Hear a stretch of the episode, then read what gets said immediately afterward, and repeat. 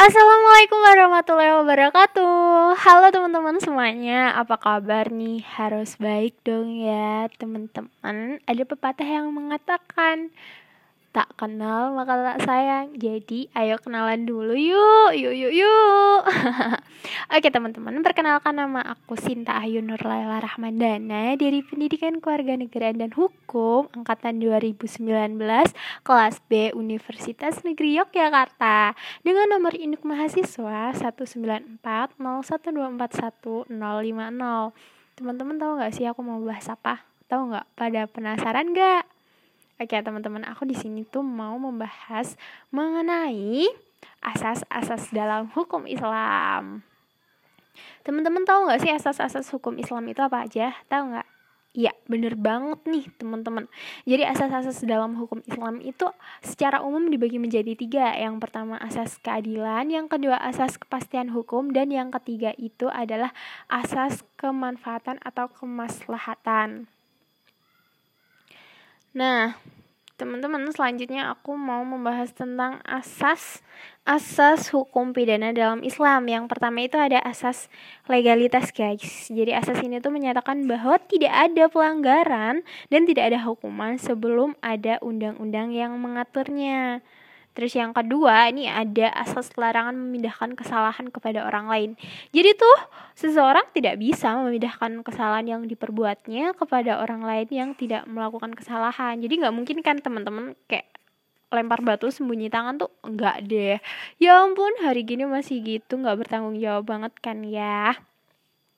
Kemudian ada yang namanya asas praduga tidak bersalah. Jadi seseorang yang didakwa melakukan satu tindak pidana itu harus dianggap tidak bersalah sebelum hakim ketok palu nih ketok palu kalau dia benar-benar bersalah berdasarkan bukti-bukti yang ada. Atau orang itu mengaku bahwa emang dia melakukannya melakukan tindak pidana tersebut. Seperti itu guys.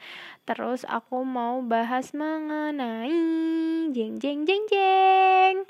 Mengenai asas asal hukum keluarga atau perkawinan. Aduh, kalau ngomongin keluarga atau perkawinan tuh rasanya pengen nikah ya guys. Aduh duh. Oke, jadi asas keluarga atau perkawinan merupakan suatu akad dan atau perjanjian yang diwujudkan dengan ijab atau kabul yang dapat menghalalkan pergaulan antara laki-laki dan seorang perempuan sebagai seorang suami istri dalam rangka mewujudkan kehidupan keluarga yang bahagia dan taat kepada Allah dan mencapai keridoannya. Nah, asas-asas ini di antaranya ada asas kesukarelaan. Jadi, kedua belah pihak itu suka rela menjadi suami istri agar harmonis. Karena ini tidak mel cuma melibatkan dua orang namun dua keluarga seperti itu.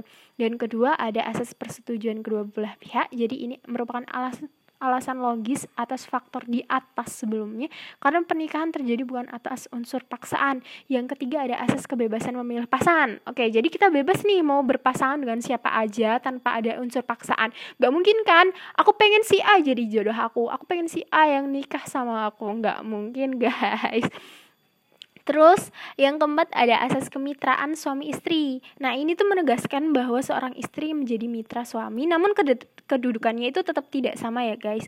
Karena suami itu merupakan kepala kepala negara, kepala keluarga, sedangkan istri itu kepala rumah tangga. Ya selanjutnya ada ata asas untuk selama-lamanya. Jadi pernikahan itu tuh sampai akhir hayat dan meneruskan keturunan. Nah, yang terakhir nih ada asas monogami terbuka. Jadi tuh aduh ini keuntungan buat suami, keuntungan untuk para cowok-cowok. Karena apa? Suami itu boleh memiliki lebih dari satu istri, tapi ada syaratnya nih, guys. Asalkan adil. Jadi, cowok itu atau suami itu boleh memiliki istri, empat istri, tapi harus adil ya. Oke.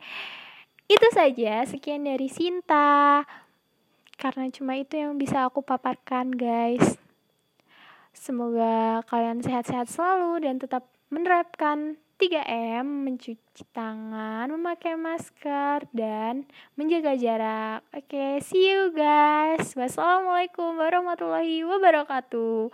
Salam progres, salam sukses.